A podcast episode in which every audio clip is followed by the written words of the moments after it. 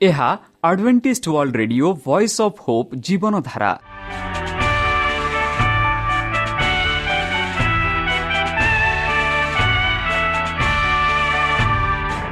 Odia radio କାର୍ଯ୍ୟକ୍ରମ ଯାହା ଆମର ଆନ୍ତର୍ଜାତୀୟ ଆଘାତ କେନ୍ଦ୍ରରୁ ପ୍ରସାରଣ କରାଯାଉଛି ପ୍ରତିଦିନ ରାତି ନଅଟା ତିରିଶ ମିନିଟ୍ରେ। ମୁଁ ସୁବ୍ରତ କୁମାର ପତି ପ୍ରେମର ସହ ଆପଣମାନଙ୍କୁ ଏହି କାର୍ଯ୍ୟକ୍ରମକୁ ସ୍ୱାଗତ କରୁଅଛି।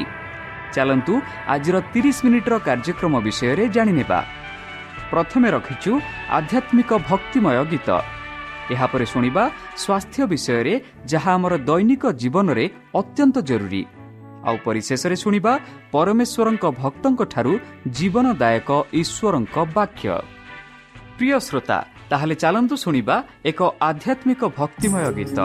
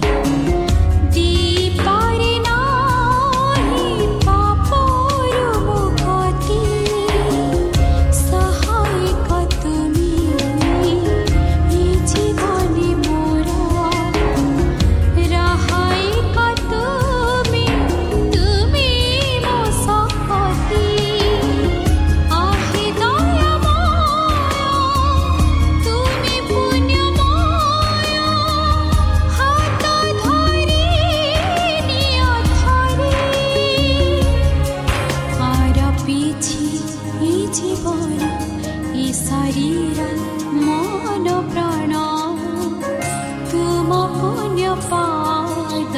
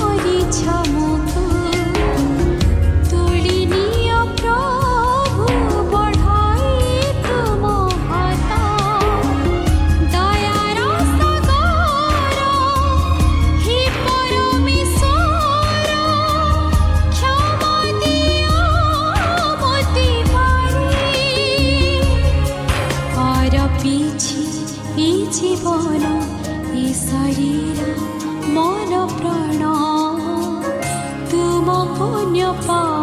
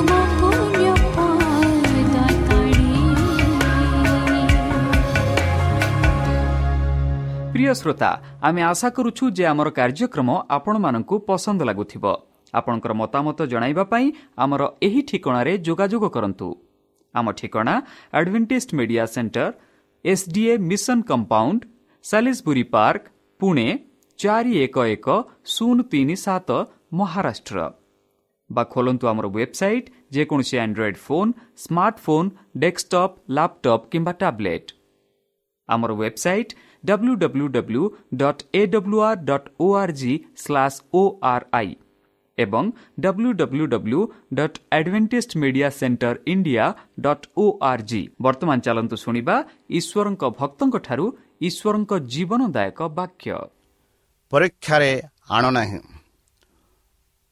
ନମସ୍କାର ପ୍ରିୟ ଶ୍ରୋତା ସେହି ସର୍ବଶକ୍ତି ସର୍ବଜ୍ଞାନୀ ପ୍ରେମର ସାଗର ଦୟାମୟ ଅନ୍ତର୍ଜମୀ ଅନୁଗ୍ରହ ପରମ ପିତାଙ୍କ ମଧୁର ନାମରେ ମୁଁ ପାଷ୍ଟ ପୂର୍ଣ୍ଣଚନ୍ଦ୍ର ଆଉ ଥରେ ଆପଣମାନଙ୍କୁ ଏହି କାର୍ଯ୍ୟକ୍ରମରେ ସ୍ୱାଗତ କରୁଅଛି। ସେହି ସର୍ବଶକ୍ତି ପରମେଶ୍ୱର ଆପଣଙ୍କୁ ଆଶୀର୍ବାଦ କରନ୍ତୁ। ଆପଣଙ୍କୁ ସମସ୍ତ ପ୍ରକାର ଦୁଃଖ କଷ୍ଟ ବାଧା କ୍ଲେଶ ଓ ରୋଗରୁ ଦୂରେଇ ରଖନ୍ତୁ। ଶତ୍ରୁ ସୈତାନ ହସ୍ତରୁ ସେମାନେ ସେମାନଙ୍କଠାରୁ ସୁରକ୍ଷାରେ ରଖନ୍ତୁ। ତାହାଙ୍କ ପ୍ରେମ ତାହାଙ୍କ ସ୍ନେହ ତାହାଙ୍କ କୃପା ତାହାଙ୍କ ଅନୁଗ୍ରହ ସଦାସର୍ବଦା ଆପଣଙ୍କଠାରେ ସହବର୍ତ୍ତୀ ରହୁ। ପ୍ରିୟସତା ଚାଲନ୍ତୁ।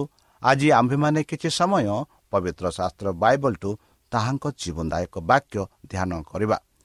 ଆଜିର ଆଲୋଚନା ହେଉଛି ପରୀକ୍ଷାରେ ଆଣ ନାହିଁ। ବନ୍ଧୁ କେତେଦିନ ଧରି ଆମେ ପ୍ରଭୁଙ୍କ ପ୍ରାର୍ଥନା ବିଷୟରେ ଆଲୋଚନା କରୁଛୁ? ଆଉ ଆଜି ଆମେ ଆଲୋଚନା କରୁଛୁ ପରୀକ୍ଷାରେ ଆଣ ନାହିଁ। ବନ୍ଧୁ ପ୍ରଲୋଭନ ପାପ ପାଇଁ ପ୍ରଲୋଭନ ଏବଂ ଏହା ଈଶ୍ୱରଙ୍କ ଠାରୁ ନୁହେଁ ବରଂ ଶୈତାନ ଏବଂ ଆମ ନିଜ ହୃଦୟର ମନ୍ଦତାରୁ ଆଗକୁ ବଢ଼େ। ଈଶ୍ୱର ମନ୍ଦ ସହିତ ପ୍ରଲୋଭିତ ହୋଇପାରିବେ ନାହିଁ ଏବଂ ସେ ନିଜେ କୌଣସି ବ୍ୟକ୍ତିଙ୍କୁ ପ୍ରଲୋଭିତ କରନ୍ତି ନାହିଁ ବୋଲି ଜାକୁବ ଏକ ତେରରେ ଆମେ ପାଉଛୁ ବନ୍ଧୁ ଶୟତାନ ଆମକୁ ପ୍ରଲୋଭି ପ୍ରଲୋଭନକୁ ଆଣିବାକୁ ଚେଷ୍ଟା କରନ୍ତି। ସେ ଆମର ଚରିତ୍ରଗୁଡ଼ିକର ମନ୍ଦତା ପୁରୁଷ ଏବଂ ଦୂତମାନଙ୍କ ଆଗରେ ପ୍ରକାଶ ପାଇପାରେ। ସେ ଯେ ଆମକୁ ନିଜର ବୋଲି ଦାବି କରିପାରନ୍ତି। ସାଙ୍କେତିକ ଭବିଷ୍ୟତବାଣୀର ଶୈତାନ ପ୍ରଭୁଙ୍କ ଡାହାଣ ହାତରେ ଠିଆ ହୋଇଥିବାର ଦେଖାଯାଏ। ଉଚ୍ଚ ପୁରୋହିତ କୁଶଙ୍କ ଅଭିଯୋଗ କରନ୍ତି ଯେ ଅପରିଷ୍କାର ପୋଷାକ ପିନ୍ଧିଛନ୍ତି ଏବଂ ଦୂତ ତାଙ୍କ ପାଇଁ କରିବାକୁ ଚାହୁଁଥିବା କାର୍ଯ୍ୟକୁ ପ୍ରତିରୋଧ କରନ୍ତି। ଏହା ପ୍ରତ୍ୟେକ ଆତ୍ମା ପ୍ରତି ଶୈତାନଙ୍କ ମନୋଭାବକୁ ପ୍ରତିନିଧିତ୍ୱ କରେ ଯାହାକୁ ଖ୍ରୀଷ୍ଟ ନିଜ ଆଡ଼କୁ ଆକର୍ଷିତ କରିବାକୁ ଚାହୁଁଛନ୍ତି। ଶତ୍ରୁ ଆମକୁ ପାପକୁ ନେଇଯାଇଥାଏ ଏବଂ ତାପରେ ସେ ଆମକୁ ସ୍ୱର୍ଗୀୟ ବ୍ରହ୍ମାଣ୍ଡ ଆଗରେ ଈଶ୍ୱରଙ୍କ ପ୍ରେମ ପାଇଁ ଅଯୋଗ୍ୟ ବୋଲି ଅଭିଯୋଗ କରିଛନ୍ତି ବା କରିଥାନ୍ତି। କିନ୍ତୁ ପ୍ରଭୁ ଶୈତାନଙ୍କୁ କହିଥିଲେ ପ୍ରଭୁ ତୁମକୁ ଭର୍ଜନା କଲେ। ହେ ଶୈତାନ ଏପରି ପ୍ରଭୁ ଯିଏ ଜେରୁସାଲମକୁ ବର୍ଜନା କରିଥିଲେ ଏହା ଏକ ବ୍ରାଣ୍ଡ ନୁହେଁ କି? ଜେରୁସାଲମଙ୍କ ଜୁହୁସାଙ୍କ ପାଇଁ ସେ କହିଲେ ଦେଖ ମୁଁ ତୁମର ତୁମକୁ ପାସ୍ ପ୍ରାସ କରିବା ପାଇଁ ଅଧର୍ମ ସୃଷ୍ଟି କରୁଛି ଏବଂ ମୁଁ ତୁମକୁ ରାଇମେଣ୍ଡ ପରିବର୍ତ୍ତନ ସହିତ ପୋଷାକ ପିନ୍ଧିଛି। ଏହିପରି ଜଖରିୟ ତିନି ଏକ ଟୁ ଚାରିରେ ଆମେ ପାଉଅଛୁ। ବନ୍ଧୁ ତାଙ୍କର ମହାନ ପ୍ରେମର ଈଶ୍ୱର ଆମ ମଧ୍ୟରେ ତାଙ୍କ ଆତ୍ମାର ମୂଲ୍ୟଦାନ ଅନୁଗ୍ରହ ବିକଶିତ କରିବାକୁ ଚାହୁଁଛନ୍ତି। ସେ ଆମକୁ ପ୍ରତିବନ୍ଧିତ ନିର୍ଯାତନା ଏବଂ କଷ୍ଟର ସମ୍ମୁଖୀନ ହେବାକୁ ଅନୁମତି ଦିଅନ୍ତି। ଅଭିଶାପ ଭାବରେ ନୁହେଁ ବରଂ ଆମ ଜୀବନର ସବୁଠାରୁ ବଡ଼ ଆଶୀର୍ବାଦ ଭାବରେ ପ୍ରତିରୋଧ କରାଯାଇଥିବା ପ୍ରତ୍ୟେକ ପ୍ରଲୋଭନ ପ୍ରତ୍ୟେକ ପରୀକ୍ଷା ସାହସର ସହିତ ବହନ କରେ। ଆମକୁ ଏକ ନୂତନ ଅଭିଜ୍ଞାତ ଦେଇଥାଏ ଏବଂ ଚରିତ୍ର ନିର୍ମାଣ କାର୍ଯ୍ୟରେ ଆମକୁ ଅଗ୍ରଗୀତ କରେ। ଦିବ୍ୟ ଶକ୍ତି ମାଧ୍ୟମରେ ଯେଉଁ ଆତ୍ମା ପ୍ରଲୋଭନକୁ ପ୍ରତିରୋଧ କରେ ତାହା ଦୁନିଆ ଏବଂ ସ୍ୱର୍ଗୀୟ ବ୍ରହ୍ମାଣ୍ଡକୁ ଖ୍ରୀଷ୍ଟଙ୍କ ଅନୁଗ୍ରହରେ ଦକ୍ଷତାକୁ ପ୍ରକାଶ କରିଥାଏ। ବନ୍ଧୁ କିନ୍ତୁ ଯେତେବେଳେ ଆମେ ପରୀକ୍ଷା ଦ୍ୱାରା ନିରାଶ ହେବା ଉଚିତ ନୁହେଁ। ତିକ୍ତ ଯଦିଓ ଏହା ହେଉଛି ଆମ ଆମେ ପ୍ରାର୍ଥନା କରିବା ଉଚିତ ଯେ ଈଶ୍ୱର ଆମକୁ ସେହି ସ୍ଥାନକୁ ଆଣିବାକୁ ଅନୁମତି ଦେବେ ନାହିଁ ଯେଉଁଠାରେ ଆମେ ଆମର ନିଜ ମନ୍ଦ ହୃଦୟର ଇଚ୍ଛା ଦ୍ୱାରା ଦୂରେଇ ଯିବୁ। ଖ୍ରୀଷ୍ଟ ଦେଇଥିବା ଖ୍ରୀଷ୍ଟ ଦେଇଥିବା ପ୍ରାର୍ଥନା ପ୍ରଦାନ କରିବାରେ ଆମେ ଈଶ୍ୱରଙ୍କ ମାର୍ଗଦର୍ଶନରେ ନିଜକୁ ସମର୍ପଣ କରୁ। ତାଙ୍କୁ ଆମକୁ ସୁରକ୍ଷିତ ରାସ୍ତାରେ ନେତୃତ୍ୱ ନେବାକୁ ଦେଇଥାଏ। ଆମେ ଏହି ପ୍ରାର୍ଥନାକୁ ଆନ୍ତରିକତାର ସହିତ ପ୍ରଦାନ କରିବାକୁ କରିପାରୁ ନାହିଁ। ଏବଂ ତଥାପି ଆମର ନିଜ ପସନ୍ଦର କୌଣସି ଉପାୟରେ ଚାଲିବାକୁ ନିଷ୍ପତ୍ତି ନିଅନ୍ତୁ। ଆମେ ତାଙ୍କ ହାତ ଆମକୁ ଆଗେଇ ନେବା ପାଇଁ ଅପେକ୍ଷା କରିବୁ। ଆମେ ତାଙ୍କ ସ୍ୱର ଶୁଣିବୁ କହିବୁ ଏହା ହେଉଛି ଉପାୟ ଏଥିରେ ଚାଲ ବୋଲି ଜିସାୟ ଭବିଷ୍ୟତ ଭକ୍ତା କହନ୍ତି। ଶୟତାନଙ୍କ ପରାମର୍ଶକୁ ଅମଳ କରି ଲାଭ ପାଇବାକୁ ଚିନ୍ତା କରିବା ପାଇଁ ଆମ ପାଇଁ ସୁରକ୍ଷିତ ନୁହେଁ। ପାପ ଅର୍ଥ ପ୍ରତ୍ୟେକ ଆତ୍ମା ପାଇଁ ସମ୍ମାନତ ଏବଂ ବିପର୍ଯ୍ୟକ ଯାହା ଏଥିରେ ଲିପ୍ତ କିନ୍ତୁ ଏହା ଅନ୍ଧ ଏବଂ ଏହାର ପ୍ରକୃତିରେ ପ୍ରତାରଣା କରୁଛି। ଏବଂ ଏହା ଆମକୁ ଚାଟୁକାର ଉପସ୍ଥାପନା ସହିତ ପ୍ରଲୋଭିତ କରିବ। ଯଦି ଆମେ ଶୈତାନଙ୍କ ଭୂମିରେ ଉଦ୍ୟମ କରୁ ତେବେ ଆମର ତାଙ୍କ ଶକ୍ତିରୁ ସୁରକ୍ଷା କୌଣସି ଆଶା ନୁହେଁ। ଯେ ପର୍ଯ୍ୟନ୍ତ ଆମେ ଆମ ପାଖରେ ଅଛି ଆମେ ପ୍ରତ୍ୟେକ ରାସ୍ତା ବନ୍ଦ କରିବା ଉଚିତ ଯାହାଦ୍ୱାରା ପ୍ରଲୋଭିତ ମାନେ ଆମ ପାଖକୁ ପ୍ରବେଶ କରିପାରିବ ନାହିଁ। ବନ୍ଧୁ ପ୍ରାର୍ଥନା। ଯାହାକି ପ୍ରଥମ କରନ୍ତି ଦଶ ତେରରେ ଆମେ ପାଉଛୁ ଆମକୁ ପ୍ରଲୋଭନରେ ଆଣ ନାହିଁ। ନିଜେ ଏକ ପ୍ରାର୍ଥନା। ଯଦି ଆମେ ଈଶ୍ୱରଙ୍କ ପ୍ରତି ନିଜକୁ ପ୍ରତିବୋଧ କରୁ ତେବେ ଆମର ଆଶ୍ୱାସନା ଅଛି ଯେ ତୁମକୁ ସେହି ଉପରେ ପ୍ରଲୋଭିତ ହେବାକୁ କଷ୍ଟ ହେବ ନାହିଁ ଯାହା ତୁମେ ସକ୍ଷମ। କିନ୍ତୁ ପ୍ରଲୋଭନ ସହିତ ମଧ୍ୟ ଖସିପାରି ଖସିଯିବାର ଏକ ଉପାୟ କରିବ। ସେହି ତୁମମାନଙ୍କ ଏହାକୁ ସହ୍ୟ କରିବାକୁ ସକ୍ଷମ ପାଇବ ବୋଲି ସାଧୁ ପାଲ ଲେଖନ୍ତି। ବନ୍ଧୁ ମନ୍ଦ ବିରୁଦ୍ଧରେ ଏକମାତ୍ର ସୁରକ୍ଷା ହେଉଛି ଖ୍ରୀଷ୍ଟଙ୍କ ଧାର୍ମିକତା ଉପରେ ବିଶ୍ୱାସ। ମାଧ୍ୟମରେ ହୃଦୟରେ ରଖିବା। ଏହାର କାରଣ ହେଉଛି ଆମ ହୃଦୟରେ ସ୍ୱାର୍ଥପରତା ବିଦ୍ୟମାନ ଅଛି ଯେ ପ୍ରଲୋଭନ ଆମ ଉପରେ ଶକ୍ତି ଅଛି। କିନ୍ତୁ ଯେତେବେଳେ ଆମେ ଈଶ୍ୱରଙ୍କ ମହାନ ପ୍ରେମକୁ ଦେଖିବା ସ୍ୱାର୍ଥପରତା ଆମକୁ ଏହାର ଘୃଣ୍ୟ ଏବଂ ଘୃଣ୍ୟ ଚରିତ୍ରରେ ଦେଖାଯାଏ ଏବଂ ଆମେ ଏହାକୁ ଆତ୍ମାରୁ ବହିଷ୍କାର କରିବାକୁ ଇଚ୍ଛା କରୁ। ଯେହେତୁ ପବିତ୍ର ଆତ୍ମାକୁ ଖ୍ରୀଷ୍ଟଙ୍କ ଗୌରବ ଗୌରବାନ୍ୱିତ କରେ। ଆମର ହୃଦୟ ନରମ ଏବଂ ଦମନ କରାଯାଏ ପ୍ରଲୋଭନ ଏହାର ଶକ୍ତି ହରାଇଥାଏ ଏବଂ ଖ୍ରୀଷ୍ଟଙ୍କ ଅନୁଗ୍ରହ ଚରିତ୍ରକୁ ପରିବର୍ତ୍ତନ କରେ। ବନ୍ଧୁ ଖ୍ରୀଷ୍ଟ ଯେଉଁ ଆତ୍ମା ପାଇଁ ମୃତ୍ୟୁବରଣ କରିଛନ୍ତି ସେ ଆତ୍ମାକୁ ଦେବେ କି ପ୍ରତିତ୍ୟାଗ କରିବେ ନାହିଁ? ଆତ୍ମା ତାଙ୍କୁ ଛାଡ଼ି ପ୍ରଲୋଭନରେ ଅତିଷ୍ଠ ହୋଇପାରେ। କିନ୍ତୁ ଖ୍ରୀଷ୍ଟ କେବେ ବି ନିଜ ଜୀବନର ମୁକ୍ତି ପ୍ରଦାନ କରିଥିବାରୁ କେବେ ବି ଯାଇପାରିବେ ନାହିଁ। ଆମର ଆଧ୍ୟାତ୍ମିକ ଦୃଷ୍ଟିକୋଣକୁ ତ୍ୱରାନ୍ୱିତ କରାଯାଇପାରିବ କି? ଆମେ ଆତ୍ମାକୁ ହତ୍ୟାଚାର ତଳେ ନମସ୍କାର କରିବା ଏବଂ ଦୁଃଖରେ ଭାରପ୍ରାପ୍ତ ସେ ତଳେ ଏକ କାଠ ଭାବରେ ଚାପି ହେବା ଏବଂ ନିରୁତ୍ସାହିତ ହୋଇ ମରିବାକୁ ପ୍ରସ୍ତୁତ ହେବା ଉଚିତ। ଆମେ ଦେଖିବା ଉଚିତ ଯେ ଦୂତମାନେ ଏହି ପ୍ରଲୋଭିତମାନଙ୍କୁ ସାହାଯ୍ୟ କରିବା ପାଇଁ ଶୀଘ୍ର ଉଡ଼ୁଛନ୍ତି ଯେଉଁମାନେ ଏକ ପ୍ରିନ୍ସର ଦ୍ୱାରରେ ଠିଆ ହୋଇଛନ୍ତି। ସେହି ରାଜା ସମ୍ମୁଖରେ ଛିଡ଼ା ହୋଇଛନ୍ତି। ସ୍ୱର୍ଗର ଦୂତମାନେ ମନ୍ଦର ଆୟୋଜନକମାନଙ୍କୁ ସମର୍ଥନ କରନ୍ତି ଯାହା ଏହି ଆତ୍ମାକୁ ଅନ୍ତର୍ଭୁକ୍ତ କରେ ଏବଂ ସେମାନଙ୍କୁ ନିଶ୍ଚିତ ମୂଳଦୁଆ ଉପରେ ପାଦ ଲଗାଇବାକୁ ମାର୍ଗଦର୍ଶନ କରେ। ଦୁଇ ସେନା ମଧ୍ୟରେ ଯୁଦ୍ଧ ଏହି ଦୁନିଆର ସୈନ୍ୟବାହିନୀ ଦ୍ୱାରା ଲଢ଼ିଥିବା ଯୁଦ୍ଧ ପରି ବାସ୍ତବ ଏବଂ ଆଧ୍ୟାତ୍ମିକ ସଂଘର୍ଷ ଅନନ୍ତ ଭାଗ୍ୟ ପ୍ରସଙ୍ଗରେ ନିର୍ଭର କରେ। ବନ୍ଧୁ ପିତରଙ୍କ ବିଷୟରେ ଆମ ପାଇଁ ବାକ୍ୟ କୁହାଯାଏ ସୈତନ ତୁମର ପାଇବାକୁ ଇଚ୍ଛା କରିଥିଲେ ସେ ତୁମର ଗହମ ଭାବରେ ଜାଣିପାରନ୍ତି କିନ୍ତୁ ମୁଁ ତୁମ ପାଇଁ ପ୍ରାର୍ଥନା କରିଛି ଯେ ତୁମ ବିଶ୍ୱାସ ବିଫଳ ହୁଏ ନାହିଁ। ବନ୍ଧୁ ଈଶ୍ୱର ଧନ୍ୟବାଦ। ଆମେ ଏକୁଟିଆ ରହିବା ନାହିଁ। ସେ ଯିଏ ଦୁନିଆକୁ ଏତେ ଭଲ ପାଉଥିଲେ ସେ ତାହାଙ୍କର ଏକମାତ୍ର ବିବାହିତ ପୁତ୍ର ଦେଇଥିଲେ ଯେ ଯିଏ ତାଙ୍କ ଉପରେ ବିଶ୍ୱାସ କରେ ସେ ନଷ୍ଟ ହେବା ଉଚିତ ନୁହେଁ। ବରଂ ଅନନ୍ତ ଜୀବନ ପ୍ରାପ୍ତ ହେବେ ଏହିପରି ଜହନ ତିନି ଷୋହଳରେ ପାଉଛୁ ବନ୍ଧୁ ଈଶ୍ୱର ଏବଂ ମନୁଷ୍ୟର ଶତ୍ରୁ ସହିତ ଯୁଦ୍ଧରେ ଆମକୁ ପରିତ୍ୟାଗ କରିବ ନାହିଁ ଦେଖ ସେ କୁହନ୍ତି ଲୁକ ଦଶ ଅନିଶ୍ରେ ମୁଁ ତୁମକୁ ସର୍ପ ଏବଂ ବିଛା ଉପରେ ଏବଂ ଶତ୍ରୁ ସମସ୍ତ ଶକ୍ତି ଉପରେ ଚାଲିବାକୁ ଶକ୍ତି ଦେଉଛି ଏବଂ କୌଣସି ପ୍ରକାର ତୁମର ଆଘାତ ହେବ ନାହିଁ ଯେପରି ହିତୋପଦେଶ ଅଠର ଦଶରେ ଆମେ ପାଉଛୁ ଜୀବନ ଯୀଶୁ କହନ୍ତି ପ୍ରଭୁଙ୍କ ନାମ ଏବଂ ଶକ୍ତି ଶକ୍ତି ଟାୱାର ଏଥିରେ ଧାର୍ମିକ ଦୌଡ଼ ଏବଂ ସୁରକ୍ଷିତ ଜୀବନ୍ତ ଖ୍ରୀଷ୍ଟ ସହ ଯୋଗାଯୋଗର ରୁହ ଏବଂ ସେ ତୁମକୁ ଏକ ହାତରେ ଦୃଢ଼ତାରେ ଧରିଥିବେ ଯାହା କେବେ ବି ଛାଡ଼ିବ ନାହିଁ ଈଶ୍ୱର ଆମ ପ୍ରତି ଥିବା ପ୍ରେମକୁ ଜାଣନ୍ତୁ ଏବଂ ବିଶ୍ୱାସ କରନ୍ତୁ ଏବଂ ଆପଣ ସୁରକ୍ଷିତ ସେହି ପ୍ରେମ ସୈତାନର ସମସ୍ତ ଭ୍ରମ ଏବଂ ଆକ୍ରମଣ ପାଇଁ ଏକ ଦୁର୍ଗ ହେବ ବୋଲି ଆମେ ପାଉଅଛୁ ବନ୍ଧୁ ପ୍ରଭୁଙ୍କ ପ୍ରାର୍ଥନାର ପ୍ରଥମ ବାକ୍ୟ ପରି ଶେଷ ଆମ ପିତାଙ୍କ ସମସ୍ତ ଶକ୍ତି ଏବଂ କର୍ତ୍ତୃତ୍ୱ ଏବଂ ନାମିତ ପ୍ରତ୍ୟେକ ନାମ ବିଷୟରେ ସୂଚିତ କରେ। ତ୍ରାଣକର୍ତ୍ତା ଏବଂ ଶିଷ୍ୟମାନଙ୍କ ଆଗରେ ବିସ୍ତାରିତ ବର୍ଷଗୁଡ଼ିକର ଧରି ରଖିଥିଲେ। ଯେପରି ସେମାନେ ସ୍ୱପ୍ନ ଦେଖିଥିଲେ ସାଂସାରିକ ସମୃଦ୍ଧି ଏବଂ ସମ୍ମାନର ସୂର୍ଯ୍ୟ କିରଣରେ ଶୋଇନଥିଲେ କିନ୍ତୁ ମାନବ ଘୃଣ୍ୟ ଏବଂ ଶୈତାନ କ୍ରୋଧର ଝଡ଼ ସହିତ ଅନ୍ଧକାର।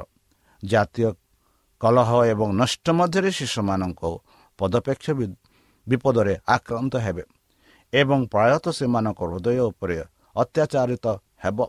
ସେମାନେ ଜେରୁସାଲାମକୁ ଏକ ବିରାଟ ଦେଖିବା ପାଇଁ ଥିଲେ ମନ୍ଦିର ଭାସିଥିଲା ଭାସିଗଲା। ଏହା ପୂଜା ସବୁଦିନ ପାଇଁ ଶେଷ ହେଲା।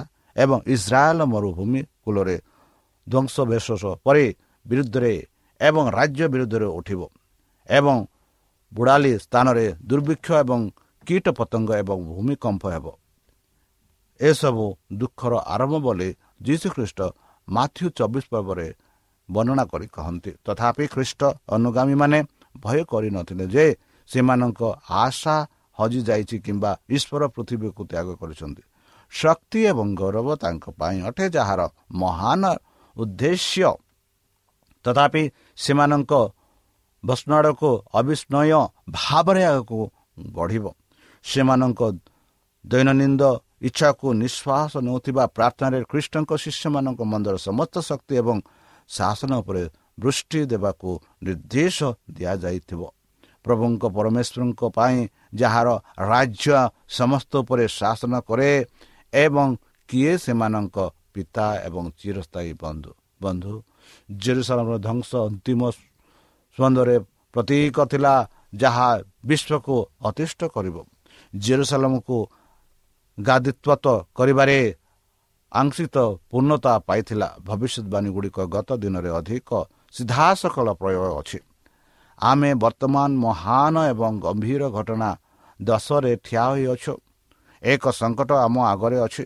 ଯେପରିକି ଦୁନିଆ କେବେ ଦେଖିନାହିଁ ଆମ ଏବଂ ଆମ ପାଇଁ ମଧୁର ଭାବରେ ପ୍ରାର୍ଥନା ଶିଷ୍ୟମାନଙ୍କ ବିଷୟରେ ଆଶ୍ୱାସନା ଆସେ ଯେ ଈଶ୍ୱର ରାଜ୍ୟ ସମସ୍ତ ଉପରେ ଶାସନ କରେ। ଆଗାମୀ ଘଟଣା ଗୁଡ଼ିକ କାର୍ଯ୍ୟକ୍ରମ ଆମ ମେଘ ଆମ ମେକରଙ୍କ ହାତରେ ଅଛି ବା ସୃଷ୍ଟିକର୍ତ୍ତାଙ୍କ ହାତରେ ଅଛି। ସ୍ୱର୍ଗର ମହାମାରୀଙ୍କ ନିଜ ଦାୟିତ୍ୱରେ ରାଷ୍ଟ୍ରଗୁଡ଼ିକର ଭାଗ୍ୟ ଏବଂ ତାଙ୍କ ଚର୍ଚ୍ଚର ଚିନ୍ତା ଅଛି। ଈଶ୍ୱରୀୟ ପ୍ରଶିକ୍ଷଣକ ତାଙ୍କ ଯୋଜନାର ସଫଳତାର ପ୍ରତ୍ୟେକ ପ୍ରତିଯୋଗୀ ପ୍ରତ୍ୟେକ କହୁଛନ୍ତି ଯେପରି ସେ ସାଇରସ୍କୁ କହିଥିଲେ ମୁଁ ତୁମକୁ ପରିପୂର୍ଣ୍ଣ କହିଥିଲି ଯଦିଓ ତୁମେ ମୋତେ ଜାଣିନାଅ ଏହିପରି ଜିସାଏ ପୁସ୍ତକ ପଇଁଚାଳିଶ ପାଞ୍ଚରେ ଆମେ ପାଉଛୁ ବନ୍ଧୁ। ଭବିଷ୍ୟତ ବକ୍ତା ଜୟଜଲଙ୍କ ଦର୍ଶରେ ଜେରୁସାଲାମର ଡେଣା ଚେରୁବିମିର ଡେଣା ତଳେ ଏକ ହାତର ଦୃଶ୍ୟ ଥିଲା। ଏହା ହେଉଛି ତାଙ୍କ ସେବକମାନଙ୍କୁ ଶିକ୍ଷା ଦେବା ଏହା ଯେ ଏହା ହେଉଛି ଦିବ୍ୟ ଶକ୍ତି ଯାହା ସେମାନଙ୍କୁ ସଫଳତା ଦେଇଥାଏ। ଯେଉଁମାନେ ଈଶ୍ୱରଙ୍କ ତାଙ୍କୁ ଦୂତ ଭାବରେ ନିୟୋଜିତ କରନ୍ତି ସେମାନେ ଅନୁଭବ କରିବେ ନାହିଁ ଯେ ତାଙ୍କ କାର୍ଯ୍ୟ ସେମାନଙ୍କ ଉପରେ ନିର୍ଭରଶୀଳ। ଦାୟିତ୍ୱ ଏହି ଭୋଜ ବହନ କରିବାକୁ ସୀମିତ ପ୍ରାଣୀ ଛାଡ଼ି ନାହାନ୍ତି ଯେ ନିଦ୍ରତା କରନ୍ତି ନାହିଁ। ଯିଏ କ୍ରମାଗତ ଭାବରେ ତାଙ୍କ ଆକାର ସଫଳତା ପାଇଁ କାର୍ଯ୍ୟରେ ଅଛନ୍ତି ସେ ନିଜ କାର୍ଯ୍ୟକୁ ଆଗକୁ ବଢ଼ାଇବେ। ସେ ଦୁଷ୍ଟ ପୁରୁଷଙ୍କ ଉଦ୍ଦେଶ୍ୟକୁ ବିଫଳ କରିବେ ଏବଂ ଯେଉଁମାନେ ତାଙ୍କ ଲୋକଙ୍କ ବିରୁଦ୍ଧରେ ଦୁଷ୍କର୍ମ ଯନ୍ତ୍ରଣ ଷଡ଼ଯନ୍ତ୍ର କରନ୍ତି ସେମାନଙ୍କ ପରାମର୍ଶକୁ ଦ୍ୱନ୍ଦ୍ୱରେ ପକାଇବେ। ସେ ଯିଏକି ରାଜା ଆୟୋଜନଙ୍କ ପ୍ରଭୁ ଚେରୁବିମ୍ ମଧ୍ୟରେ ବସିଛନ୍ତି ଏବଂ ରାଷ୍ଟ୍ରଗୁଡ଼ିକର କଲହ ଏବଂ ରାଜା ମଧ୍ୟରେ ସେ ତାଙ୍କ ପିତାମାନଙ୍କୁ ସୁରକ୍ଷା କରନ୍ତି। ସେ ଯିଏ ସ୍ୱର୍ଗରେ ଶାସନ କରନ୍ତି ସେ ହେଉଛନ୍ତି ଆମର ତ୍ରାଣକର୍ତ୍ତା ପ୍ରଭୁ ଯୀଶୁ। ସେ ପ୍ରତ୍ୟେକ ପରୀକ୍ଷା ମାପ କରନ୍ତି ସେ ଲୁଚି ନାହିଁ କିନ୍ତୁ ଦେଖନ୍ତି ଯାହା ପ୍ରତ୍ୟେକ ଆତ୍ମାକୁ ପରୀକ୍ଷା କରିବା ଆବଶ୍ୟକ। ଯେତେବେଳେ ରାଜାମାନଙ୍କ ଦୁର୍ଗକୁ ଉଚ୍ଛେଦ କରାଯିବ ସେତେବେଳେ କ୍ରୋଧର ତୀର ତାଙ୍କ ଶତ୍ରୁମାନଙ୍କ ହୃଦୟରେ ଆଘାତ କରିବ।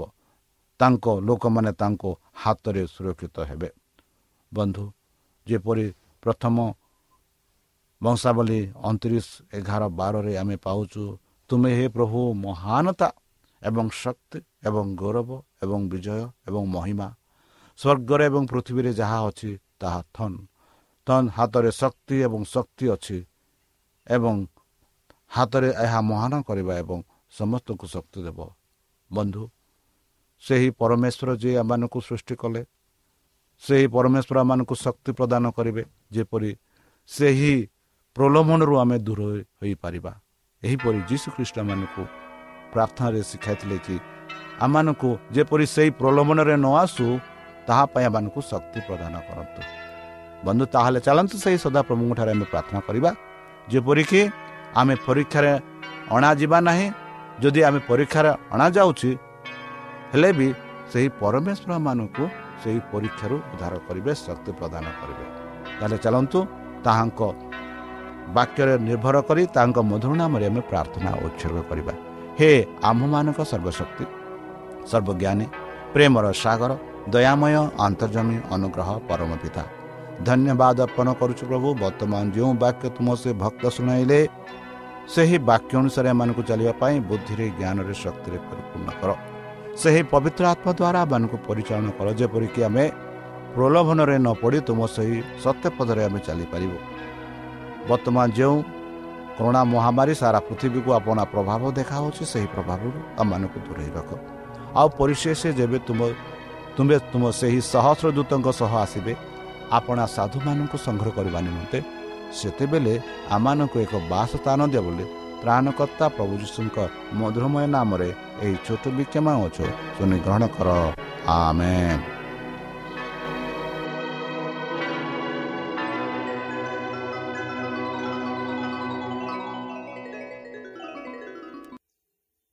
ପ୍ରିୟ ଶ୍ରୋତା ଆମେ ଆଶା କରୁଛୁ ଯେ ଆମର କାର୍ଯ୍ୟକ୍ରମ ଆପଣମାନଙ୍କୁ ପସନ୍ଦ ଲାଗୁଥିବ। ଆପଣଙ୍କର ମତାମତ ଜଣାଇବା ପାଇଁ ଆମର ଏହି ଠିକଣାରେ ଯୋଗାଯୋଗ କରନ୍ତୁ।